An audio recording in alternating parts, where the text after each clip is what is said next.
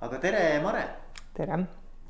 kõigepealt mul hästi hea meel, et sa leidsid aega minuga vestlemiseks mm,. ikka et aitäh sulle. Äh, sa oled tööpsühholoog kõige laiemas mõistes. tegelikult ei ole päris tegelikult on asi natuke keerulisem, tähendab pärast ülikooli psühholoogia diplomi saamist läksin ma tööle Teaduste Akadeemia kliinilise meditsiini instituudi kutsepatoloogia osakonda. ja seal minust kasvatati hästi kiiresti viim-, kümne aasta jooksul kliiniline psühholoog, nii et mul isegi on vastav kutse olemas. ja oma doktoritöö ma kaitsesin vibratsioontõe haigete kaevurite uurimise põhjal ja pärast kümmet aastat edukat kliinilist poolt äh, kutsus professor Üksvärav mind Tehnikaülikooli äh, rajama mm, psühholoogia õppetooli, sest siis olid juba üheksakümnendad alguses. ja siis ma tükk aega mõtlesin ja piinlesin ja siis sai minust nagu noh, niisugune tööpsühholoog. nii et mul on kaks asja koos, mis väga hästi noh, täiendavad mm. -hmm et see taust on nagu pigem siis kliinilise poole peal. nii seda kui teist, sest viimased noh, ma ei tea, kakskümmend, kolmkümmend aastat olen ma ikkagi tegelenud äh, tööpsühholoogia ja organisatsioonipsühholoogiaga. aga, aga see teema, mida me täna käsitleme, sinu üks põhisuundumusi ka, tööstress. et, et see on ju, läheb väga hästi kokku selle kliinilise psühholoogia no,. sellepärast, sellepärast ma ta olengi enda teemaks mm -hmm. võtnud, et, et ta lähebki niimoodi, et et otsapidi ta lähebki sinna psühhopatoloogiasse, eks ole, ja teistpidi on ta teo-, seotud tööga. jah, aga lähmegi siis kohe selle teema juurde, et, et see esimene küsimus on, et, et kuidas, kuidas üldse seda stressi eh, ja tööstressi nagu mõistet eh, lahti seletada? nii nagu headel lastel on mitu nime, kõigepealt hakkaks nagu kaugelt, hästi kaugelt ürgajast pihta. et tegemist on liitsõnaga töö ja stress, mis tähendab seda, et, et sinna selle töö asemele võib mõnda muud sõna ka panna, näiteks ämmastress või jõulustress või, või pulmade stress või sünnipäevastress või mis iganes. aga noh, kui me räägime tööstressist, siis tegemist on nende põhjustega, mis töö juures tekitavad siis äh, seda pingeseisundit. ja kõige lihtsamalt defineerides tööstress on pingeseisund, mida tekitavad mingisugused pingeallikad, mis esinevad siis töökeskkonnas ja töö juures. natukene keerulisem ja huvitavam definitsioon on see, mida on andnud Euroopa Komisjon eelmise sajandi lõpul. Nemad defineerivad tööstressi kui kogumit emotsionaalseid, tunnetuslikke, käitumislikke ja füsioloogilisi öö, reaktsioone, mida kutsuvad esile siis töö sisu, töö organiseerimine või korraldamine ja töökeskkond. seega siis meil on kolm allikat, töö sisu, töö organiseerimine, töökeskkond, kus siis on need stressi põhjused või kus tasub neid stressoreid otsida.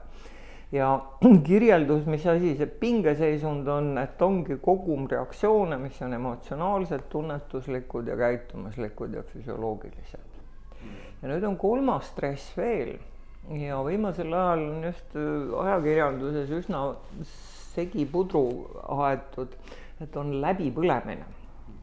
ja läbipõlemine on sada protsenti tööstress, sest see tekib teatud juhtudel, ta on niisugune stress, tööstressi eriliik ja läbipõlemine tekib neil inimestel, kes oma töö juures peavad suhtlema ülearuselt palju suhtlema nende inimestega, kes neile meeldivad ja nendega, kes ei meeldi ja igal juhul neid inimesi on liiga palju.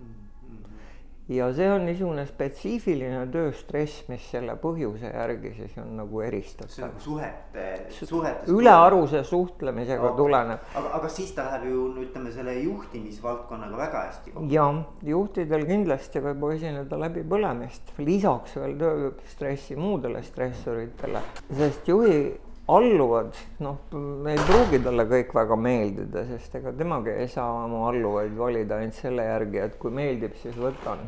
et kui meeldib, siis võtan tööle ja kui ei meeldi, siis ei võta, ilmselt ta võtab ikka oma alluvaid tööle professionaalsuse järgi ja mõni professionaal ei pruugi üldse väga meeldiv inimene olla. ja eks seda suhtlemist on ka ülearu palju. nii et läbipõlemine esineb kõigil neil, kes suhtlevad. Arstid, õed, õpetajad, juhid, ametnikud, teenindajad, müüjad, kõik niisugused ametid ja ilmselt see oleneb siis ka inimese tüübist või inimese enda siuksest soodumusest, eks ole. et kellele nagu sobib rohkem selline eh, inimestega suhtlemine ja kellele see võib olla pigem nagu pingeallikas. no kõigile ühel hetkel muutub ta pingeallikaks, aga, aga mõned inimesed siis peavad nagu kauem vastu mm. Need, kes on niisugused suhtlemisaldid, avatud inimesed, aga need, kes nüüd ei ole nii suhtlemisaldid inimesed, need siis peavad ennast sundima suhtlema ja ilmselt see läbipõlemine tekib kiiremini mm. -hmm. aga kui laiaulatuslik üldse, ütleme, kui me räägime tööstressist, et kui laiaulatuslik teema see on, et, et kui suurest asjast me räägime? Just pikerdasin ja vaatasin värskeid andmeid, kõige värskemad andmed on meil kaks tuhat kuusteist. Ja seal oli siis tehtud Euroopa töötingimuste uuring, mis hõlmas ka Eestit ja kõiki liikmesriike. Ja seal oli nelikümmend protsenti meie töötavatest inimestest, mitte populatsioonist, vaid tööjõust, siis võib kannatada stressi all. Neid protsente on erinevates uuringutes erinevaid on räägitud kahekümne kuuest ja ma olen lugenud kakskümmend kaheksa ja kolmkümmend kaks on kuskil olnud.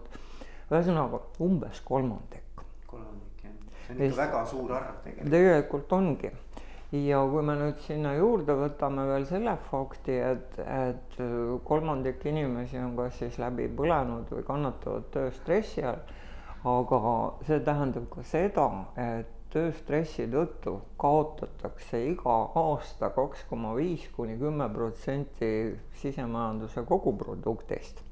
ehk kui ma nüüd olen ettevõtja ja ütlen, et mul on kolmandik töötajatest kannatab läbipõlemise stressi all, nad on haiged, nad teevad vigu, nad viilivad, nad ei ole rõõmsad oma tööd tehes, nad saadavad kliente pikalt ja kaugele, eks ole, sest nad ei taha enam suhelda ja ma kaotan oma kasumist kümme protsenti, siis ma muutuks väga närviliseks. Mm-hmm. ja, ja, ja noh, see majanduslik mõju on väga-väga suur ka jah. sinna juurde noh, inimlikud kannatused, eks ole, et, et noh, stressihaigused on täitsa olemas ja, ja need on üsna vastikud mm.. aga siit me jõuamegi sinna, et, et kui rääkida nüüd sellest, et kuidas see stress avaldub või et mis mõju see meile siis avaldab. et äh, kuidas me aru saame, mis need sümptomid on Neid sümptomeid on üsna mitmeid ja võib-olla on nende sümptomitega kõige lihtsam rääkida niimoodi, et võtta stressi staadiumid. tähendab, stressi staadiumid on esimene staadium tööstressil, on hästi tore honeymoon mesinädalat. ja seal on, et, et inimene on tööga rahul, talle meeldib tema töö, ta on väga entusiastlik, aga tal on õudselt palju tööd vot kui need mesinädalad nüüd kestavad umbes kaks nädalat, et noh, siis, siis on kõik hästi, eks ole, noh, punnitabki hambad ristis ja teabki, et noh, kahe nädala pärast on nüüd see asi otsas. ja selle mesinädalate puhul võib-olla noh, toimetulekuks, et mida teha, et võib-olla noh, mitte kodus organiseerida teisi mesinädalaid, et ei hakka remonti tegema, ei kutsu ämma külla ja nii edasi aga nüüd tuleb see teine staadium ja vot see on nüüd see staadium, kus tulevad üksikud sümptomid, noh, mida tasub ära tunda. selle staadiumi nimi on õlitulle valamine. et esimene asi, mis, mis tavaliselt tekib, on rahulolematus, järsk rahulolematus, enam ei meeldi töö, käibki närvidele. Käivad närvidele ka inimesed, järsku märkad, et kolleeg lohistab jalgu järgi teine luristab ninaga, kolmas jätab kohvitassi pesemata, ühesõnaga nad on teinud seda võib-olla kümme aastat, aga nüüd märkad. ja nüüd, kui sa ristisõtta ka lähed ja ütled, siis noh, siis on suhted nagu kehvad. Yeah.. edasi töö tõhusus langeb, hakkad tegema vigu, kirjutad emaili neli rida ja kaheksa kirjaviga, eks ole, siis parandad. Ja vahel vajutad send nupule ennem kui jõuad ära parandada kõik vead, ühesõnaga unustad ja mitte sellepärast, et Alžeimer tuleb, aga lihtsalt ei pannud tähele, kuhu sa võtmed või panid või kuhu sa auto parkisid. peale selle üks niisugune väga vastik tunnus on see, et tekivad unehäired homme on raske tööpäev, lähen täna vara magama, uni ei tule, kell on üks, kell on kaks, uni ikka ei tule, eks ole, aga homme on ikka raske tööpäev. Ja, ja noh, nüüd on juba üsna kunsttükk, mida kell kaks öösel unehäiretega peale hakata. siis suitsetamise alkoholi tarbimine suureneb. see on kohe täiesti korrelatiivselt, noh, siin on väga lihtne, võtadki ja ei suitseta siis nii palju, mida sul muud teha on siis on shoppamine, see pidi olema rohkem naistel, aga on ka meestel. et igaühel on mingid niisugused kommertslikud nõrkused, kes ostab kingi, kes ostab äh, kosmeetikat, kes ostab majapidamistarbet ja pesupulbrit. ja siis on veel lohutusõgardlus, see tähendab seda, et vaatad telekast hüvasti Maria, tere tulemast, Maria ja sööd kausitäie krõbinaid ära. Ja edasi on juba niisugused haiguslikud sümptomid, kui seal selles staadiumis nüüd nende noh, nii-öelda pisikeste asjadega ei saa hakkama, siis edasi tuleb minna perearsti juurde ja perearstid räägivad, et tööstressi all kannatavate inimestega on väga raske, sest nad ise ka ei tea, mis neil viga on valutab siit, valutab sealt, üks nohu lõpeb, teine algab ja kahe nohu peal on väga paha olla vahepeal. ja põhiline noh, niisugune kaebus ongi, et mul on paha olla. ma olen väsinud, ma olen kurnatud ja noh, eestlastel kipuvad depressiivsed mõtted ka sinna juurde tulema, eks ole, et kas ma nüüd jäängi niisuguseks, millal ma viimati naersin et niisugused on need ebameeldivad sümptomid mm. -hmm. aga ütleme nagu, et haigus, kas on mingi hetk, kui ta muutub selliseks ikkagi noh, ma olen kuulnud, et see võib muutuda ka selliseks somaatiliseks probleemiks. ja on olemas psühhosomaatilised haigused, neid on terve hunnik peavalud, migreenid, selja-kaelavalud, astmahood võivad tekkida, veresoonte igasugused mao ja kaksteist sõrmiksoole haavantõved ja, ja muud, kõrgenenud vererõhk. aga see on juba nagu niisugune see on, see on pärast seda perearsti, kus lihtsalt on paha olla mm. -hmm. et kokku stressil kirjeldatakse viite staadiumit, viies on surm, et noh, seal nagu ei saa midagi enam teha. ja, ja need kroonilised haigused, et noh, kui juba need välja on arenenud, siis on noh, stressiga juba noh, vähem pistmist, rohkem on haigusega pistmist. ja, ja siis ta läheb rohkem nagu juba ja. haiguse teemaks. aga, aga kui nüüd vaadata erinevaid elukutseid, et, et mis elukutsed on need, kus siis kõige rohkem seda stressi, noh, sa küll tõid näiteid juba ennem ka, eks ju mm. -hmm. aga, aga et, et ja siis spetsiifiliselt, kui mõelda nüüd nagu juhtimise peale, et kui mm, -hmm. kui prevaleeriv see seal on võtsin välja ameeriklaste uuringud, nemad teevad iga aasta uuringuid, et kes on need top kümme või kakskümmend elukutset, kellel siis tööstressi esineb kõige rohkem. Ja kaks tuhat seitseteist pakutakse välja, et esikohal on sõjaväemissiooni sõdurid tuletõrjujad, piloodid, ajakirjanikud, politseinikud, kes patrullis käivad, mitte need, kes juhivad. ja siis tuleb juht PR-juht, mitte tavaline tegevjuht. mm. -hmm. ja siis tuleb tegevjuht, siis tulevad kirurgid, juristid, taksojuhid, baarmenid ja muud tegelased. Ja kusagil viieteistkümnendal kohal ma vaatasin, et oli IT-juht, nii et noh, viimasel ajal on see, see on kaks tuhat seitseteist ja nüüd ma toon võrdluseks, kes olid kaks tuhat üheksasada kaheksakümmend viis. Ja see uuring oli tehtud nüüd, kui need, mis ma luge-, loetlesin, on Ameerikas, nüüd. See uuring, mida ma nüüd räägin, on tehtud Suurbritannias. ja kaheksakümmend viis siis olid minöörid, politseinikud, ehitajad, ajakirjanikud, piloodid, hambaarstid, näitlejad, poliitikud, maksuametnikud, arstid mm. -hmm nii et äh, hambaarst, et ta hakkab mõtlema, et noh, mis tal nüüd häda on, et aga, aga ilmselt on seal läbipõlemine, et, et kui sul iga järgmine patsient tuleb ja noh, kardab. ja, ja, ja. Ja sa pead päev läbi negatiivsete emotsioonidega noh, hakkama jah, saama, et, et ilmselt seal on siis ja näitleja ka ja poliitik, et ju sa pead siis kehastuma nii, ja tegevjuht on siis kaheksakümne viiendal aastal kuueteistkümnendal kohal ja nüüd on ta Ameerikas seitsmendal kohal. ja päris palju on tõusnud, eks ole. ilmselt küll jah. Ja mis mind on alati natukene hämmastunud, et me arvame, et pankurid, kes istuvad rahapüti otsas ja peavad seda nagu kuidagi illusoorselt valvama, et neid ei ole siin eesotsas mm. et edasi tulevad igasugused kirurgid ja, ja finantsjuhid on üsna, üsna tagapool. okei okay., aga mis, kui me nüüd lähme nagu natukene praktilisemaks ja mõtleme selle peale, et, et mida siis nüüd äh, juht või siis töötaja ise saab teha selleks, et stressi ennetada või, või nii-öelda nagu tegeleda sellise probleemi ennetamisega mm. -hmm. tähendab räägime kahest äh, staad-, niisugusest erinevusest, esimene on see, et organisatsioon saab midagi teha ja teine on see, mida inimene ise saab ja, teha. Nüüd orga-, räägime kõigepealt seda, mida, mida organisatsioon võiks teha, et organisatsiooni puhul on väga hoolega uuritud, et mida nad, mis, mis siis oodata ja see on jaotatud kolmeks, et esimene on kindlaks teha, mis on need töötajate stressorid ehk stressi põhjused. noh, kui me tagajärgedega võitlema hakkame, siis ilmselt me ei jõua kuigi kaugele, eks ole, et äkki hakkaks põhjusest peale. See eeldaks seda, et organisatsioonis tuleks teha riskianalüüs või uuring.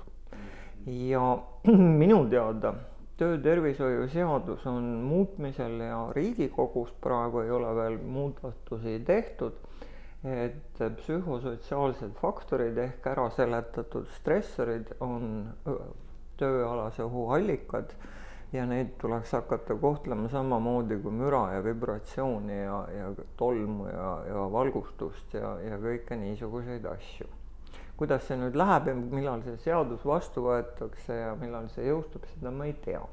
aga see on üsna loogiline, sest nende põhjuste uurimisega peaks nagu kõigepealt tegelema, et loeks üle, mis need stressid ja põhjused on.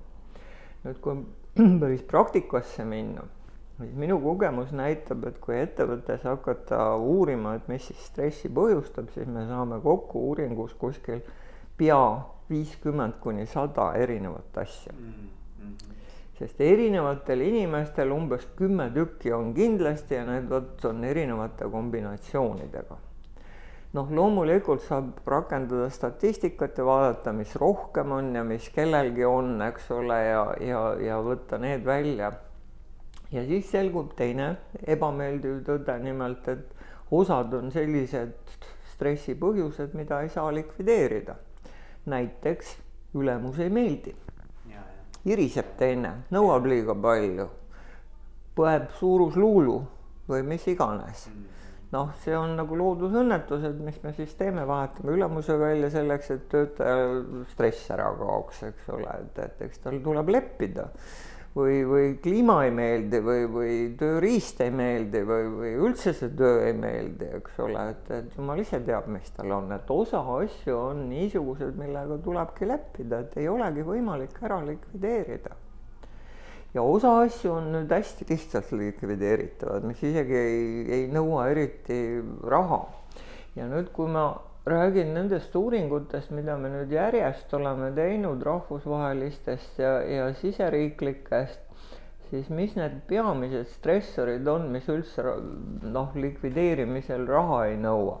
et kõige suuremaks tööstressoriks erinevate elukutsete puhul Eesti Vabariigis on halvad suhted tööl mm ja vaata, siin ei aita meid NATO ka mitte, et noh, siin on küll see koht, kus ütleb, et noh, töötaja, sa vastutad ise oma suhete eest. sea siis suhted korda, no lepi oma ülemusega ära, lepi oma kolleegidega ära, õpi konflikte lahendama ja noh, tee midagi selleks. ja vot siin on koolitusfirmade kapsamaa, eks ole, et noh, me oleme nii palju rääkinud suhtlemisest ja järjekordselt jälle inimese käest küsida, et noh, kuidas sa siis lahendad konflikte. no siis ta räägib umbes nii, nagu maal vanaema õpetas, et, et noh, need on konkreetsed lahendusviisid, noh õpi ära ja proovi, neid ei ole palju, neid on umbes viis tükki. nii, teine on töötempo on liiga kõrge. Mm, see on nagu töö siis nii-öelda maht töös, töö selline. kiire, kiire, kiire, liiga palju. Mm. kiire, kiire, kiire, eile oli juba vaja mitte, mitte täna ja noh, sellest tuleneb siis kolmas stressor, see on siis töö ja pereelu tasakaal on paigast ära töö kasuks, mis tähendab seda, et noh, kui töötempo ongi kiire, töö tuleb koju kaasa, eks ole, siis ta lähebki paigast ära. nüüd minu suureks üllatuseks ei olnud Eesti töötajad maininud erinevate elukutsete puhul, me uurisime juriste, insenere, õpetajaid, juhte, ametnikke ja, ja ilmselt arste ja õdesid ka, et, et kõigil olid üsna ühte väravasse, aga tunnustamatus ei olnud stressoriks, aga minu meelest see Eestis on küll probleem. töötajaid lihtsalt ei kiideta eriti palju.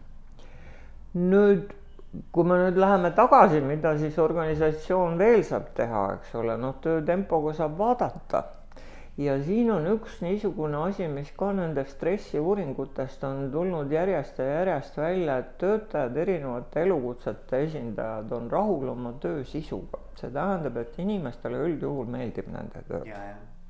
aga nad ei ole rahul sellega, kuidas tööd organiseeritakse. ja see on ka põhjus, miks ma üsna sageli olen öelnud, et tööstress on juhtimise praak mm sest kui me nüüd hakkame mõtlema, et kes siis on see inimene, kes peaks tööl tööd organiseerima, siis ma arvan, et ma vaataks juhi otsa. ja mis kõige paradoksaalsem, juhid ise ei ole ka rahul oma töö organiseerimisega, nii et neile peaks ka vist NATO tulema tööd organiseerima või keegi teine, eks ole et juhid on väga rahul oma töö sisuga, ma mäletan, et, et mingis artiklis oli see Eesti juhtide rahulolu töö, tööga oli umbes sama kõrge kui Kolumbia ja Mehhiko juhtide oma, nii et üsna naeruväärselt kõrge oli see asi. aga see oli aastaid tagasi niisugune publikatsioon, aga samuti ei olda rahul, on märksa vähem rahulolu selle töö organiseerimisega, seega juhtimisülesanne et esimene suhted korda, teine asi tööd organiseerima, sest see muutub, noh, ei ole niimoodi, et ükskord organiseerisid ära ja nüüd igavesti ongi hästi mm. -hmm. Ja, ja.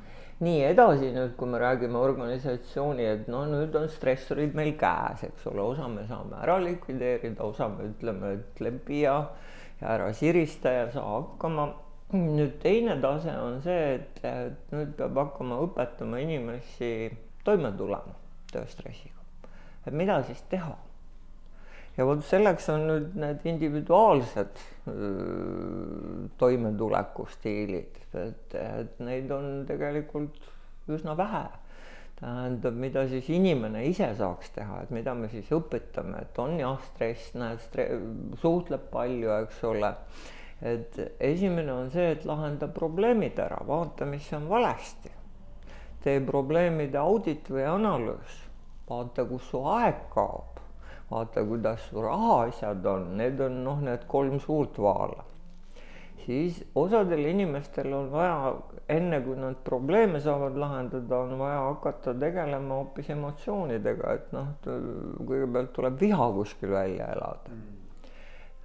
ma tean, et Jaapani kogumajades pidada olema topis tähendab, kui sa päev läbi naeratad klientidele, siis ühel hetkel enam ei jaksa, siis lähed peksad poksikinnastega seda topist ja sõimad teda, eks ole, et elad emotsioonid välja. et see polaarsus nii-öelda, et, et see peab olema see teine pool ka, eks. just mm, -hmm. et sa ei saa ju noh, koguda ja koguda enda sisse, eks ole.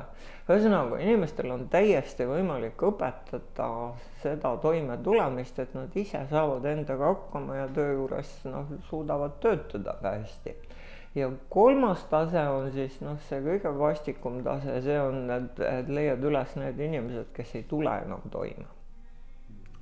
enne kui nad hakkavad kuskil näpupidi masinate vahele jääma või praaki suures hulgas tegema või klientidega väga vastikult käituma või Facebookis noh, näiteks ettevõtet siunama, eks ole, et mul on paha olla ja, ja tervis on ka nüüd läbi ja, ja mis iganes vot nendega tuleks siis noh, niimoodi arsti tasemel tegeleda.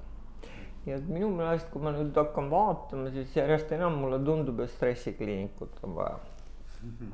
aga mida see stressikliinik siis nagu, kui sa natuke räägiksid, et äh, ma tean, et see, see, see mõte see mõte idaneb, aga see mõte ei ole veel, ma arvan, et kuskil esimesel septembril ma olen valmis.